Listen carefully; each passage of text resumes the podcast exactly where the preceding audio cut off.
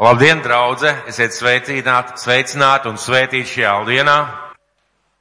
Ir patiesi prieks būt šeit, patiesi prieks par mūsu zemi, par Latviju. Un uh, es gribētu mūs visus apsveikt ar kaut ko ļoti, ļoti labu. Ar kaut ko tādu, ko mēs varam piedzīvot, izdzīvot, baudīt, redzēt, uh, sajust. Un par ko mēs varam pateikties nevienam citam kā vienīgi Dievam. Jo tikai Dievs var darīt tādas lietas. Un es gribu vēlreiz, vēlreiz un vēlreiz mūs visus apsveikt uh, ar Dievu dāvanu latviešu tautai šai zemē. Ikvienam cilvēkam, kas šeit dzīvo, jebkuras tautības cilvēkam, kas šeit dzīvo, uh, ar dzimšanas dienu, ar mūsu valsts 99. dzimšanas dienu. Un uh, dzimšanas dienas parasti nesvin par to, ko tu esi izdarījis, vai cik labs tu esi dzimšanas dienas svin par to, ka tu vienkārši esi. Un es pilnīgi esmu pārliecināts un zinu un saprotu, ka šī ir Dieva dāvana cilvēkiem, Dieva dāvana Latvijai, Dieva dāvana latviešiem un ikkuram cilvēkam, kas šeit, mūsu zeme, mūsu valsts, mūsu valoda, mūsu himna un viss pārējais. Un šodien es gribētu runāt par ārkārtīgi svarīgu jautājumu šādā svētku reizē.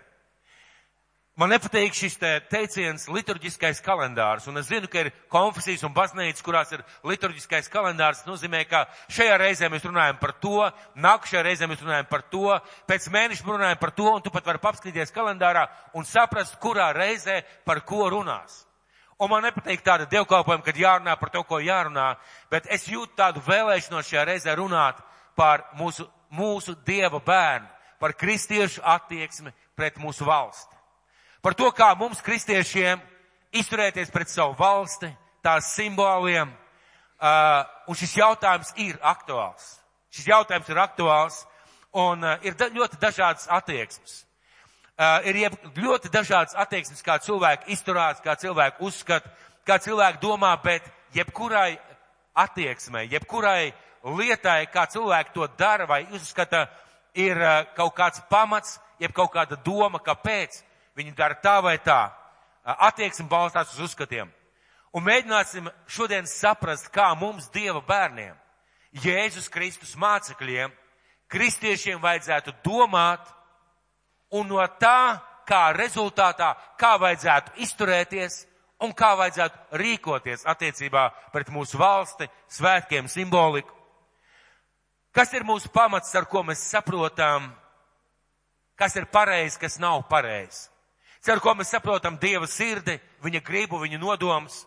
Protams, Dieva vārds un Bībele. Jebkurš kristietis to pateiks, Dieva vārds un Bībele, tas ir mūsu pamats, tas ir tas, ko mēs balstamies. Nu, kā mēs varam saprast, kā Dievs domā, kā Dievs skatās, kā viņš rīkojās, kāpēc viņš rīkojās. Uh, un ko Bībele saka par valsti un par tautām? Ļoti svarīgs jautājums, ko Dieva vārds saka par valsti un par tautām. Un es gribētu izlasīt no vēstules efeziešiem 3. nodaļas 14. un 15. pāns. Vēstule efeziešiem 3. nodaļa 14. un 15. pāns. Un tur svētais gars caur Pāvils saka tādus vārdus.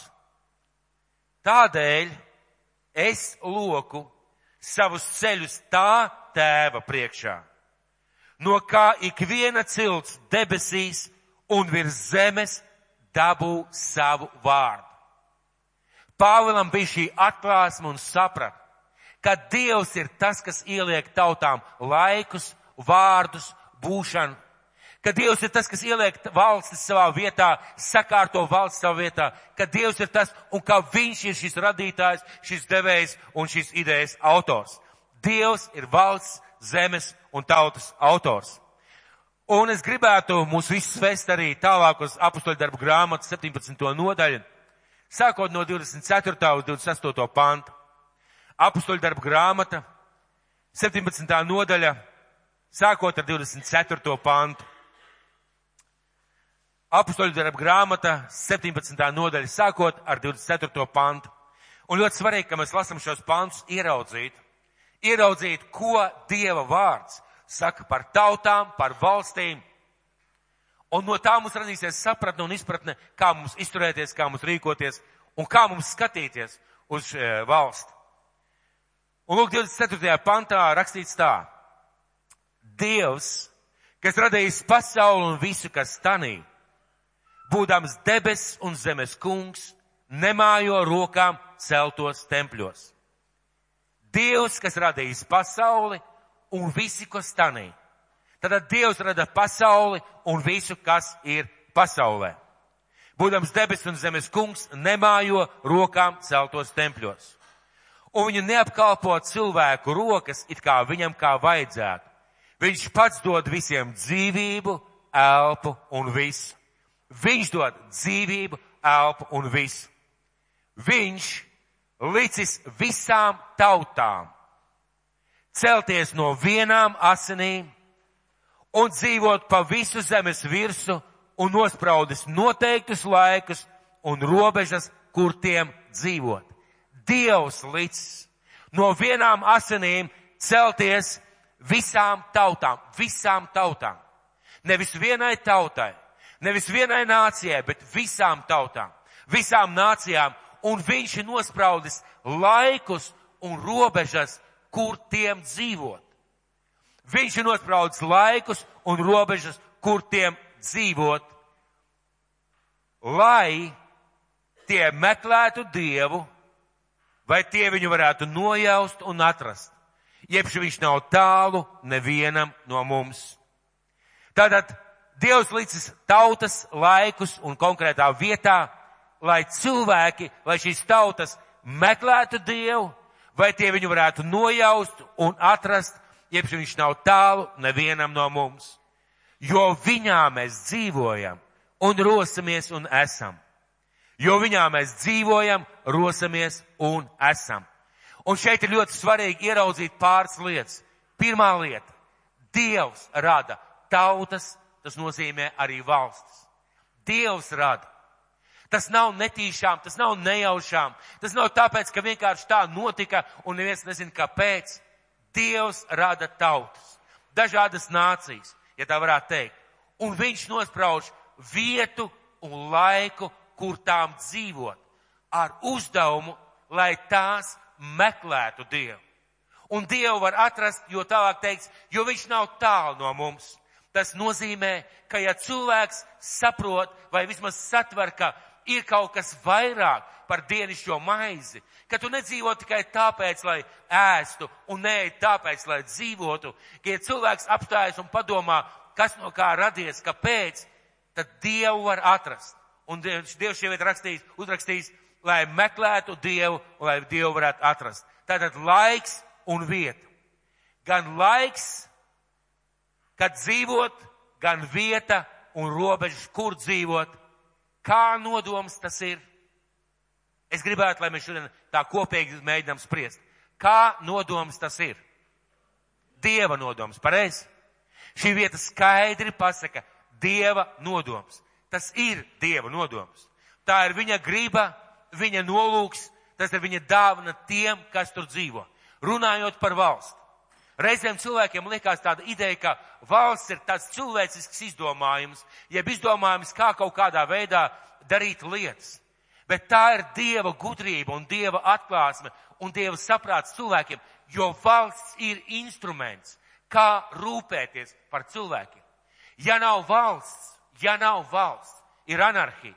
Pat ebreju tautai, kurai pat nebija sava zeme. Viņiem bija savu kārtību, savu noteikumu. Dievs bija viņa ķēniņš un valsts ir instruments, kā rūpēties par cilvēkiem. Ja mēs šodien paņemtu jebkurai valstī, ka nav vienkārši struktūras, ja valsts kā tāds nav, tauta vienkārši dzīvo.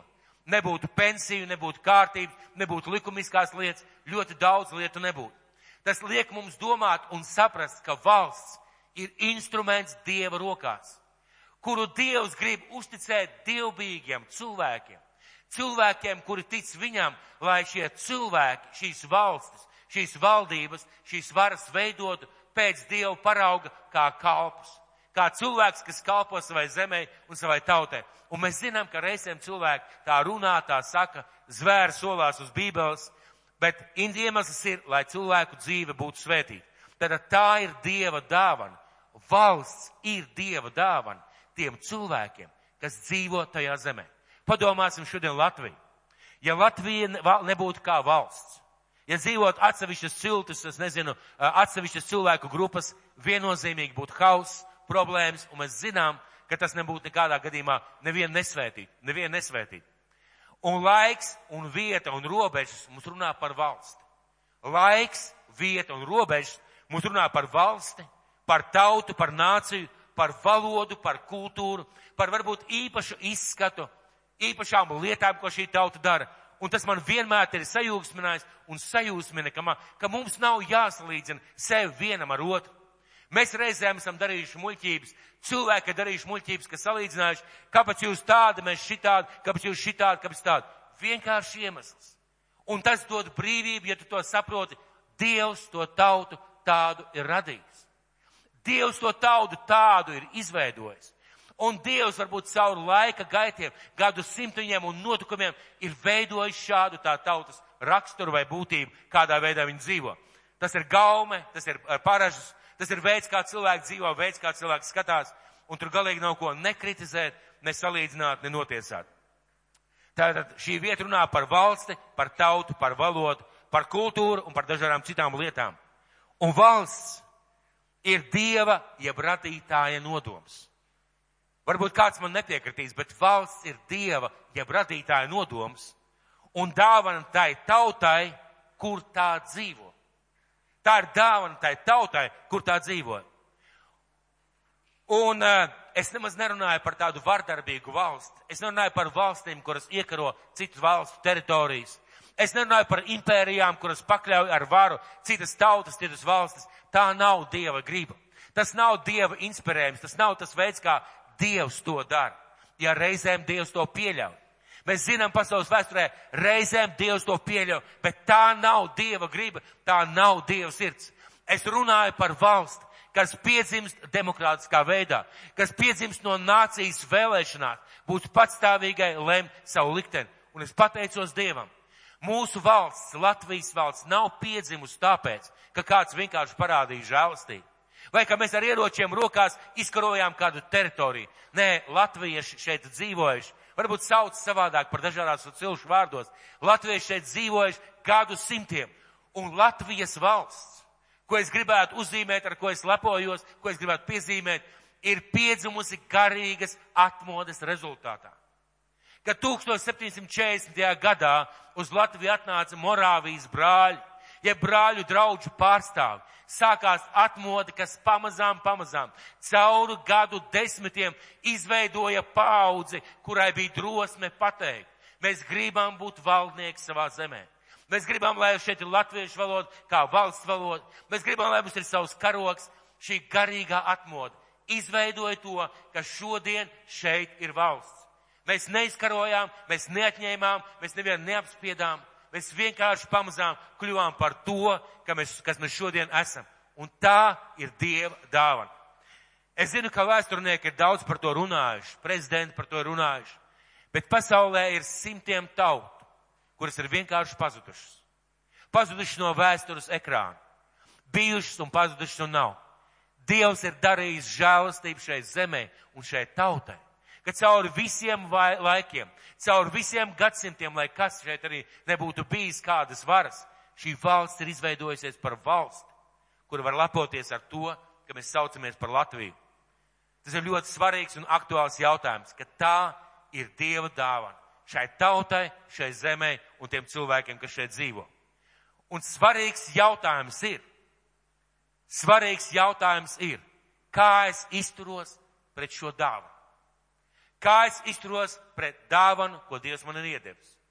Jo kā es izturos pret dāvanu, tas parāda, kā es izturos pret dāvinātāju. Kā es izturos pret dāvanu, tas parāda to, kā es vērtēju dāvinātāju. Ja es vērtēju dāvinātāju, es vērtēšu dāvanu.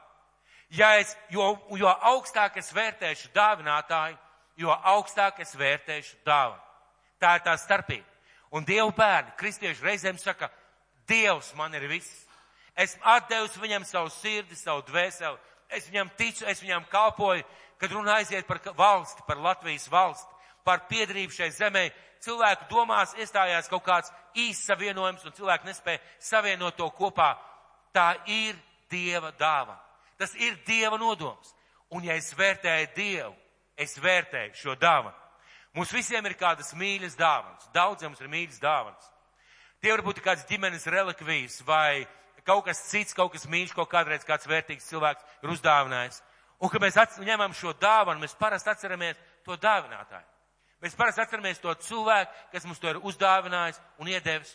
Un, ja mēs vērtējam šo cilvēku, mēs vērtējam dāvanu. Un reizēm tie ir absolūti kaut kāda nieciņa. Liekas, absolūti lieciņi, bet šie lieciņi mums ir vērtīgi tāpēc, ka es vērtēju to cilvēku, kas man to uzdāvināja. Un ja mēs saprotam, un ja mēs saprotam, ka tas ir Dieva laiks manā valsts dzīvē, es to vērtēšu, cienīšu un godāšu. Ko tas nozīmē, ja mana valsts svin 99 gadu dzimšanas dienu? Vai es varu tā vienkārši ēst kaut kādu dzimšanas dienu? Protams, mēs izdarām katrs, kā mēs spējam, kā mēs varam, kā mums sanāk, kā ir veselība, kā ir ar laiku. Bet svarīgs ir jautājums, kā es vērtēju.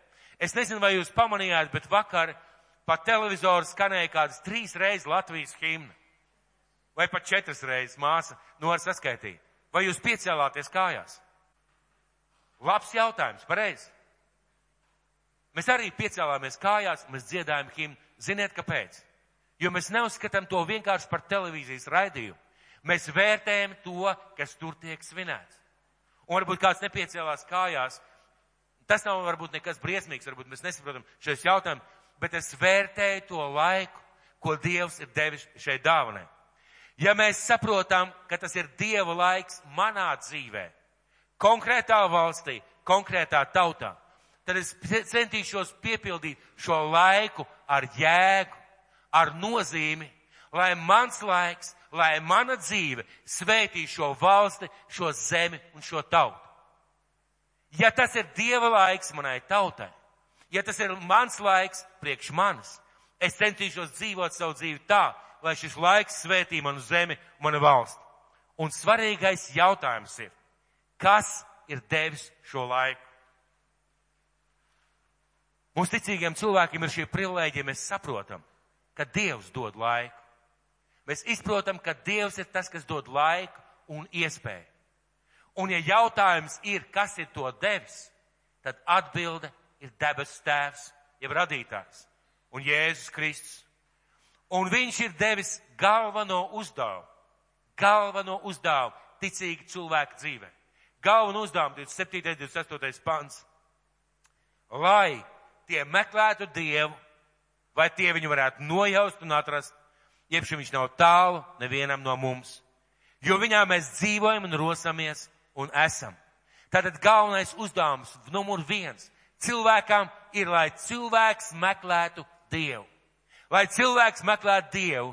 Un, ja kad atrod, kad cilvēks atrod šo Dievu, kad cilvēks sastop Kristu, un to var izdarīt, jo Dievs nav tālu nevienam mums, tad piedzīvojis Kristu, pieņēmis Kristu, atdevis Kristum savu dzīvi, ejot šo svētapšanas ceļu, turpināt meklēt savā dzīvē Dieva prātu, Dieva gribu, Dieva nodomus. Mums kristiešiem būtu jākļūst par dzīvesveidu, meklēt Dievu.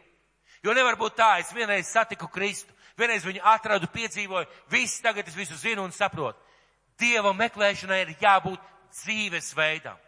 Un tik ilgi, kamēr Dieva meklēšana nekļūs par mūsu dzīvesveidu, mēs nebūsim laiksmi, laimīgi un veiksmīgi kristieši. Bet, kad mēs esam piedzīvojuši Kristu, kad mēs esam pieņēmuši viņu, ir kāda lieta, kāda lieta, kas tālāk seko no tā. Kad Kristus ir atrasts, mēs bieži it kā atraujamies no šīs zemes. Es nezinu, vai jūs esat pamanījuši. Es pamanu to savā dzīvē daudz gadus atpakaļ. Mēs piedzīvojam Kristu, mēs atdodam viņam savu dzīvi. Sakam, Dievs, Visa mana dzīve ir tavās rokās. Es atdodu visu tev savu dzīvi. Un tad mēs it kā nonākam starp debesīm un zemi. Kāds teiks, nevar būt, kā tā var nonākt starp debesīm un zemi. Jā, tieši tā mēs it kā nonākam starp debesīm un zemi. Mēs it kā planējam gaisā. Mēs vēl neesam debesīs. Mēs vēl neesam debesīs, vēl neesam tur. Uz zemes arī mēs vairs neesam. Un mēs it kā planējam gaisā, tādā piekārtā stāvoklī, un tā ir Dieva bērnu un kristiešu kļūda. Un caur gadu simtiem mēs varam redzēt, kā cilvēki, kas ticēja Dievam, patiešām ticēja Dievam, nošķīrās, gāja alās, dzīvot vieni paši, lai nodalītos no ļaunuma, kas bija šajā pasaulē, lai atdalītos no tā, kas notika apkārt. Un pasaule grima tumsā. Pasaule grima ļaunumā, bet Dieva bērni, kuriem bija jābūt par gaismu tajā vietā, viņi aizgāja, noslēdzās, nodalījās un pateica, man nav daļas. Un šodien, šodien notiek bieži vien tāpat. Tikai varbūt mēs neejam uz alām, nerāpjamies kaut kur kalnos vai nebūvējam sev mājiņas kaut kur klintīs. Bet mēs it kā nodalāmies, tā no man darīšana, jā, es dzīvoju šajā valstī, jā, es dzīvoju šajā zemē, jā, tā ir mana tautība, tā ir mana valsts, bet es kā nodalos un paliek manā. Un tā ir kļūda. Kristieši planēja kaut kur gaisā, uzskatot, ka patiesas garīgums ir nodalīties no šīs pasaules. Jā, un kāpēc tā ir kļūda? Jautājums, kāpēc tā ir kļūda? Kāpēc tas neatbilst Kristus garam? Tāpēc, ka Jēzus Kristus, tas, ko mēs apliecinām par savu kungu, tā nemācīja. Vēlreiz gribu atkārtot, tāpēc, ka Jēzus Kristus, tas, kur mēs apliecinām par savu kungu, tā nemācīja darīt. Tā nemācīja rīkoties, viņš nemācīja nodalīties no, no pasaules, ja viņš mācīja nodalieties no grēkiem nodalieties no nepareizām lietām. Jā, viņš mācīja, ka garīgi jūsu piedarība ir debesīs, bet kaut ko viņš vēl mācīja. Ko viņš mācīja? Kamēr mēs esam šeit uz zemes, kamēr mēs esam šeit uz zemes, vietā un laikā, kur viņš mums ir devis, mums ir uzdevums. Laikā, kura mēs dzīvojam, mums ir uzdevums. Un vietā, valstī, kur mēs dzīvojam, ko viņš ir devis, mums, Dievu bērniem, ir uzdevums. Un Mateja evaņģēlijas 5. nodaļa, 13. 16. pants. Mateja evaņģēlijas 5. nodaļa, 13. 16. pants. Mēs zinām šo vietu kā Kalnu svētrunu. Mateja evaņģēlijas 15. No, 5. nodaļa, 13. līdz 16. pants. Es sākšu ar pirmo un pēc tam pāriešu uzreiz uz 13. Un kad viņš ļaužu pulku redzēja, viņš uzkāpa kalnā, nosēdās un viņa mācekļi sapulcējās pie viņa. Es biju tajā vietā, kur tiek uzskatīts, ka Jēzus teica kalnu svētrunu. Tur brīnišķīgi skaista vieta. Tas ir kalns, jeb tāds liels pakalns Galilejas ezera krastā. Apakšā ir ezers un var redzēt visas tās pilsētiņas apkārt ezeram. Ezers Galilejas jūra nav tik liela, kā mēs iedomājamies. Var redzēt tās pilsētiņas un pilsētas, kas tajā laikā bija. Lūk, viņš sēž šajā kalnā, mācekļi sapulcējušies šī kalna pakājē, jeb tur uz tā kalna, un viņš viņus māca. Un lūk, ko viņš saka 13. pantā. Jūs esat zemes sāls. Jūs neesat debesu sāls. Viņš saka, jūs esat zemes sāls. Zemes sāls. Bet ja sāls nederīga, ar ko tad sālīs? Kā sāls kļūst nederīga? Vai nu viņi ir sāls traukā, vai viņi ir pazaudējuši savu sāļo garšu. Ja sāls ir sālstraukā nevis uz šīs zemes, nevis tajā vietā, nevis tajā laikā, kur Dievs viņu ir ielicis, sāls ir nederīgi. Kāda jēga man no sāls, ko es aizmirsu mājās, kad es aizbraucu makšķerēt un gribu uzvārīt zivju zupu? Cik man palīdz tas, ka manai sievai stāv kilograms sāls mājās, bet man zivju zupai neiznāk? Vai nevilni? Kāda jēga sālim, ja tev, ja tu nopircis gurķus un gribi ieskābēt vai iesālīt, bet tev nav sāls? Kāds labums no tā, kas ir veikalā? Un Jēzus saka, jūs esat zemes sāls. Bet ja sāls nederīga, ar ko tad sālīs? Nav ar ko sālīt. Tā nedara vairs nekam, kā vien ārā izmetam un ļaudīm saminam. Jūs esat pasaules gaišums. Un viņš saka, jūs esat pasaules gaišums pasaules, laikā un vietā, kurā jūs esat ielikt. Pasaules gaišums. Pilsēta, kas stāv kalnā, nevar būt apslēpta. Kad viņš teica šo līdzību, mācekļi varēja paskatīties un ļoti iespējams, ka Jēzus pat rādīja ar rokām uz tām pilsētām, kas tur stāvēja. Un kas ir interesanti ievērot, ka Izrēlā ļoti daudzas pilsētas, viņi ceļ no tāda dzeltenīga bāla akmens. Un kad šos, šīs, šos pilsētas apspīd saule, vai dienvidū vai vakarā, šī pilsēta burtiski mirts. Jeruzalem vispār uzcelt no tāda uh, zeltaina akmeņa. Tūmā viņš tāds dzeltenīgi balts, bet pa gabalu viņš tāds zeltains. Un kad mēs skatāmies šo, šo Jeruzalem saules atpakaļ, kad saule apspīd, Šī pilsēta it kā mirt zeltā. Un Jēzus saka lūk kādus vārdus. Tāpat uh, jūs esat pil, pas, pasaules gaisma. Pilsēta, kas stāv kalnā, nevar būt apslēpta. Ja, es, ja tu esi pasaules gaisma, tu nevari būt apslēpts. Tu nevari būt apslēpts, nav iespējams, ka tu esi apslēpts. Svets iededzinājis, neviens to neliek zem pūra, bet lukturī, tad tā spīd visiem, kas namā. Svets iededzinājis. Sakiet man, vienkārši jautājums, ja tu esi Dieva bērns, kas tevī iededzināja svets? Vai tas nebija Kristus?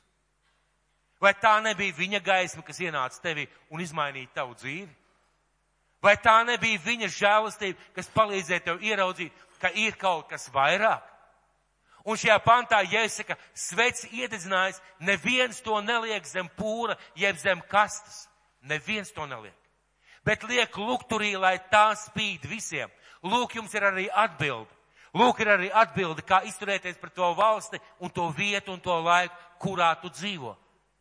Tu esi kā šī svece, kā šī gaisma, kuru Jēzus iededzinājis, ieliek lukturī, lai tā spīdētu visiem. Tāpat, lai jūsu gaisma spīd ļaužu priekšā. Tāpat, lai jūsu gaisma spīd ļaužu priekšā. Kur ļaužu priekšā? To, kas kādreiz dzīvos, varbūt. Vai to, kas dzīvoja, diez vai. To cilvēku priekšā, ar kuriem tu esi savā valstī, savā zemē un savā laikā. To cilvēku priekšā. Un ja tava gaisma spīdēs to cilvēku priekšā, nākošais teikums sākās tā, ka tie ierauga jūsu labos darbus un godā jūsu tēvu, kas ir debesīs. Un godā jūsu tēvu, kas ir debesīs. Un šajā vietā Jēzus, manuprāt, ļoti skaidri pasaka par kristiešu misiju un uzdevumu. It kā vienkārši, it kā saprotam. Lielais jautājums ir, kāpēc daudz no mums domā, ka mana zeme neatiecās uz manu valsts, uz mani? Kāpēc daudz domā, ka tas, kas notiek mūsu zemē, tas ir valdības jautājums un jau valdības lēmums? Kāpēc daudz domā, ka labāk, lai vēlns tur kaut ko ārda, es nelikšu ne pirkstu klāt, jo esmu pārāk svēts, lai šajā zemē kaut ko mainītu un kaut ko darītu. Un tas nav pareizi. Tas nav tas, ko Kristus teica. Paskatīsimies uz Kristu pašu. Vai debesīs bija patiesa svētums? Vai tur, kur viņš debesīs bija patiesa svētums? Es domāju, ka lielākā daļa pateiks, pa, jā, pareizi. Patiesa svētums, Dievu klātbūt, neviena grēcinieka. Apkārt tikai eņģeļi, ķerubi un uh, patiesa svētība. Un kāpēc viņš atnāca šo zemi? Lai būtu par gaisu. Un viņš arī teica, es esmu gaisa. Tas nozīmē, ka man esot šajā laikā, šajā zemē, šajā valstī, jābūt par gaisu. Tev jābūt par gaisu. Katram savā veidā, katram savā vietā. Un eh, mēs esam ierobežoti laikā. Svarīgi ieraudzīt, ka mūsu aicinājums ir ierobežots laikā un ne vēlāk, bet tagad. Jo daudz cilvēku māna sevi ar domu. Kādreiz es būšu gaisa. Kādreiz viss būs kārtībā kādreiz es spīdēšu. Nē, mīļie, mūsu laiks ir ierobežots laikā, ko sauc par dzīvi. Ko sauc par dzīvi, tas nozīmē, ka tagad un vietā, zemē, kurā esam dzimuši, kur Dievs mūs ielicis piedzimt. Tā ir vieta, kur mums vajadzētu spīdēt. Un kur ir jāspīd Latvijas kristiešu gaismai? Ļaujiet man jums pajautāt. Kur ir jāspīd Latvijas kristiešu gaismai? Droši, droši. Kur ir jāspīd Latvijas kristiešu gaismai? Protams. Protams, Latvijā. Ja kādu Dievs aicina kaut kur projām braukt, viņam jābūt tur. Bet pirmām kārtām jāspīd šeit Latvijā. Un kur ir jāredz mūsu labos darbus? Kur ir jāredz mūsu labos darbus droši? Nav eksāmens, nav nekāda eksāmena. Kur ir jāredz mūsu labos darbus? Latvijā. Un kur caur to mūsu tēvs tiks pagodināts? Latvijā tiks pagodināts. Mūsu tēvs ar to tiks pagodināts šeit, Latvijā. Mēs reizēm dziedam himnu, mēs pareizi darām. Bet kā atnāk tas, ko mēs saucam par svētībām šajā zemē? Kā Dieva gaisma spīd caur mums šeit, šajā zemē, Latvijā, kurā mēs esam dzīvuši, kurā mēs esam ielikt. Un kāds teiks pa visu pasauli? Uz gaismai jāspīd pa visu pasauli. Es teikšu āmen. Kāds teiks, ka ir taču cilvēki, kas ir misionāri, aicināti kā misionāri uz citām valstīm, vai tad tur nevajadzētu braukt. Es atkal teikšu āmen. Bet ir viena lieta. Pirms pasaules nāk Latvija. Es neesmu redzējis nevienu cilvēku, kas pasaulē spīdētu, ja viņš nebūtu spīdējis savā zemē. Ja viņš savā zemē nebūtu bijis par gaismu, viņš nevar spīdēt visā pasaulē. Arī, kad tu brauc par misionāru, tu vienkārši neaizbrauc uz džungļiem, tev ir kāds laiks, kad tu gatavojies, kad tu audz, kad tu pieaudz savā raksturā, savā attieksmē, kad Dievs tevi gatavo un kad tu esi gaisma pirmām kārtām šeit. Pēc tam tu brauc. Un tad ir interesanti, ka cilvēkiem pajautā, no kuras valsts tu esi, un atkal jāmāk pateikt, no kuras valsts tu esi atbraucis.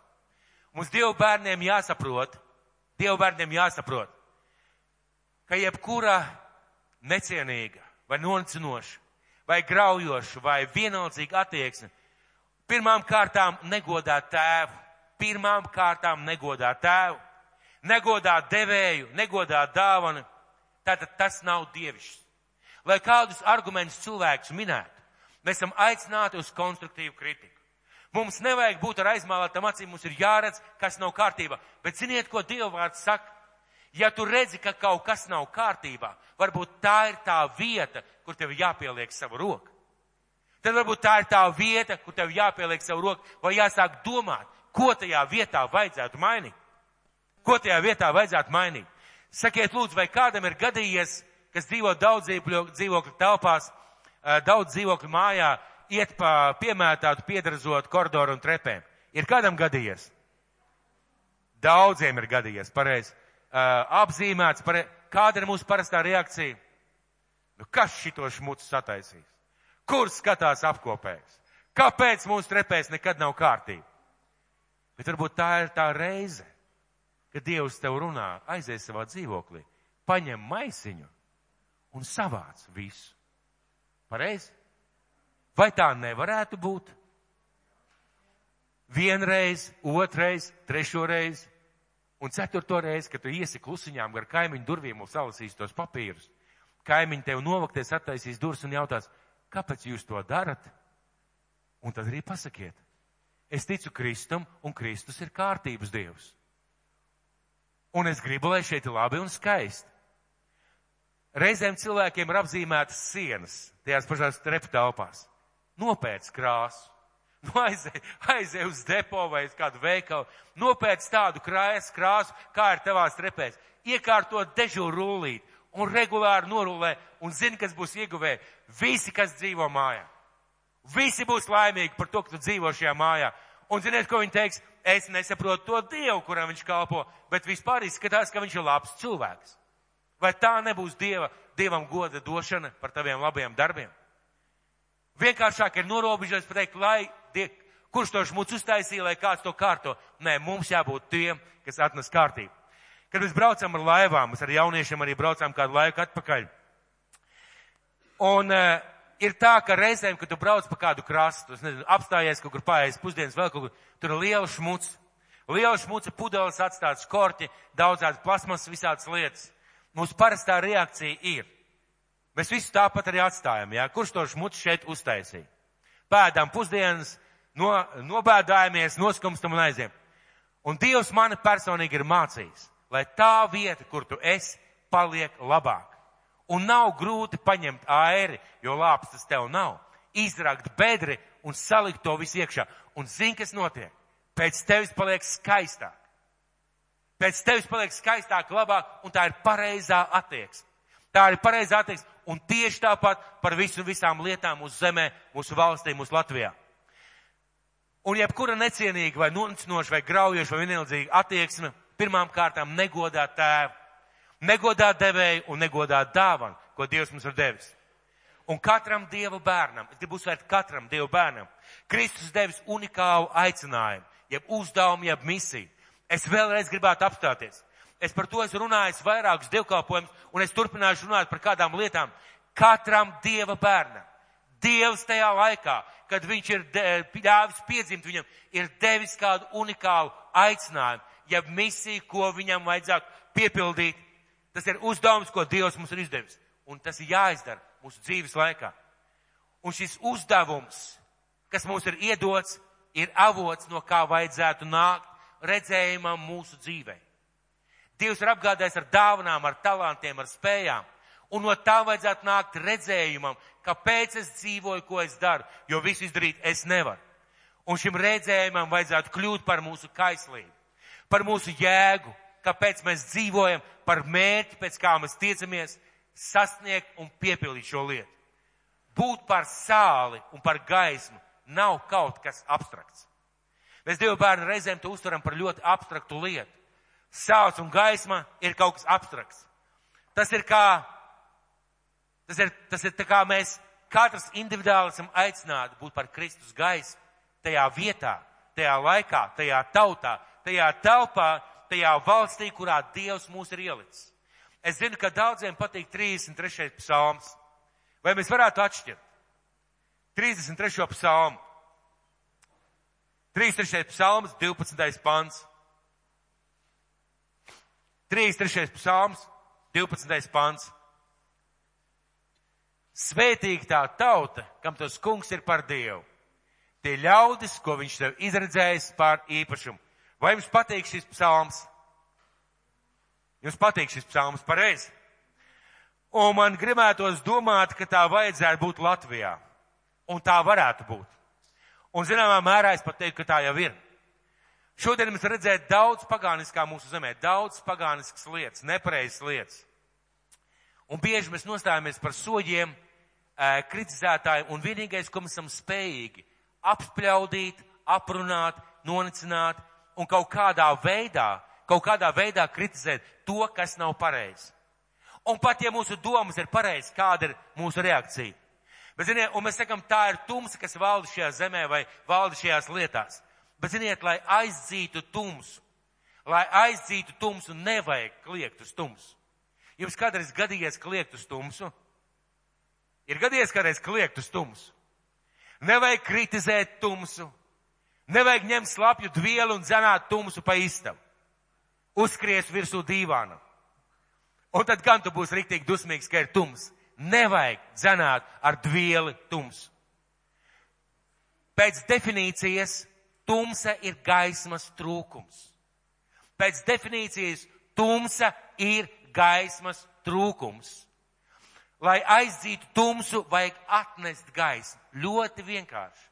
Lai tumsa aizietu, vajag atnest gaismu. Un Jēzus teica, jums jābūt gaismas nesējiem. Nevis nošķirties, nevis nodalīties, bet mums jābūt gaismas nesējiem. Un kur šodien šeit, Latvijā, mēs gribam, lai mūsu zeme ir svētīta.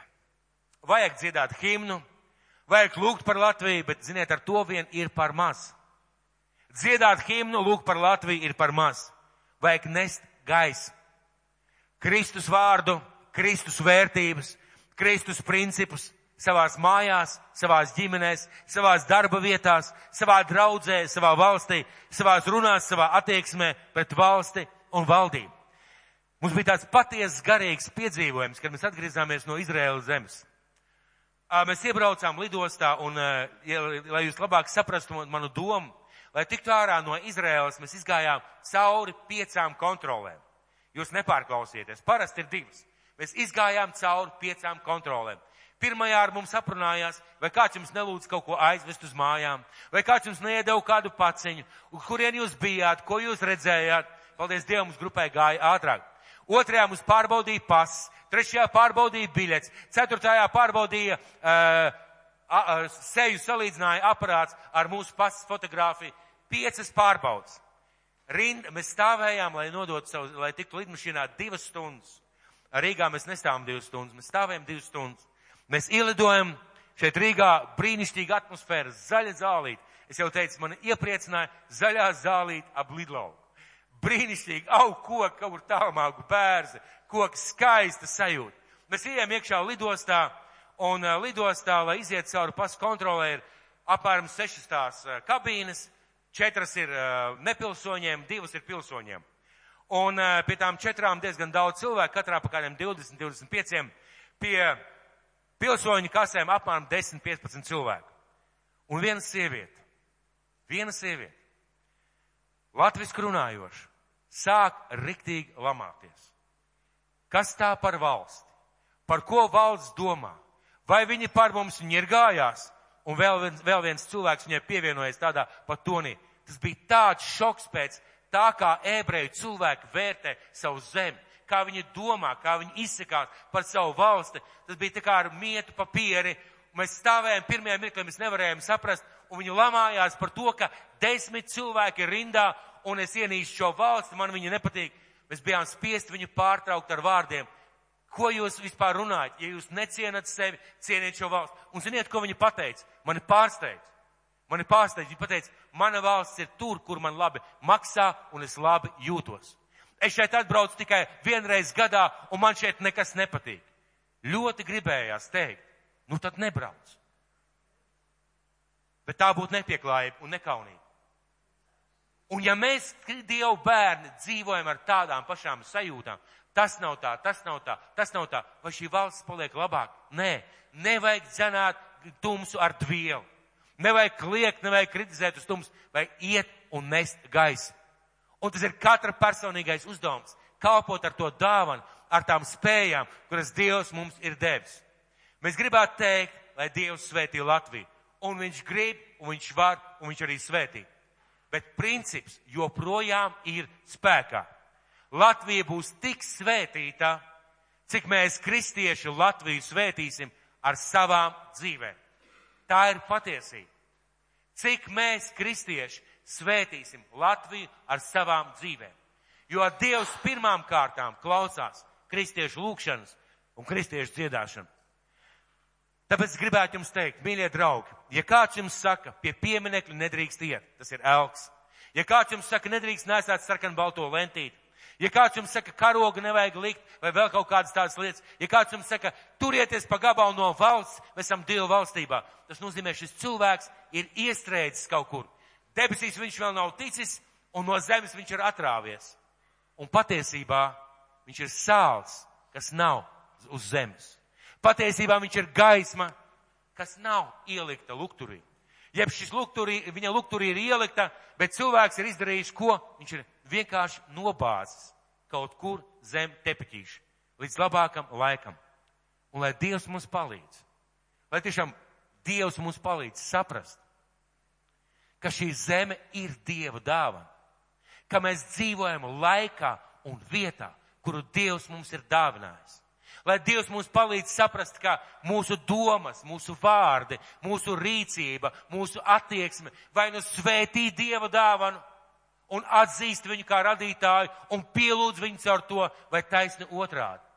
Lai mēs, Dieva bērni, kuriem ir atklāsme par Kristu, par Dievu kā par radītāju, kā par mūžīgo Dievu, par Dievu, kurš vēlās un dara tikai labu, lai tas svētī šo zemi.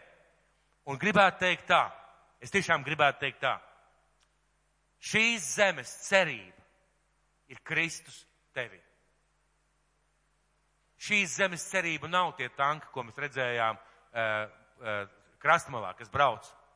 Šīs zemes cerība nav tie NATO bruņotie spēki, un paldies viņiem par to, ka viņi ir, bet tā šīs zemes cerība nav ne tanki, ne bruņu mašīnas, ne vēl kaut kas. Šīs zemes cerība ir Kristus tevi. Un ja Kristus ir tevi, šeit, šeit zemē un šeit valstī ir nākotne.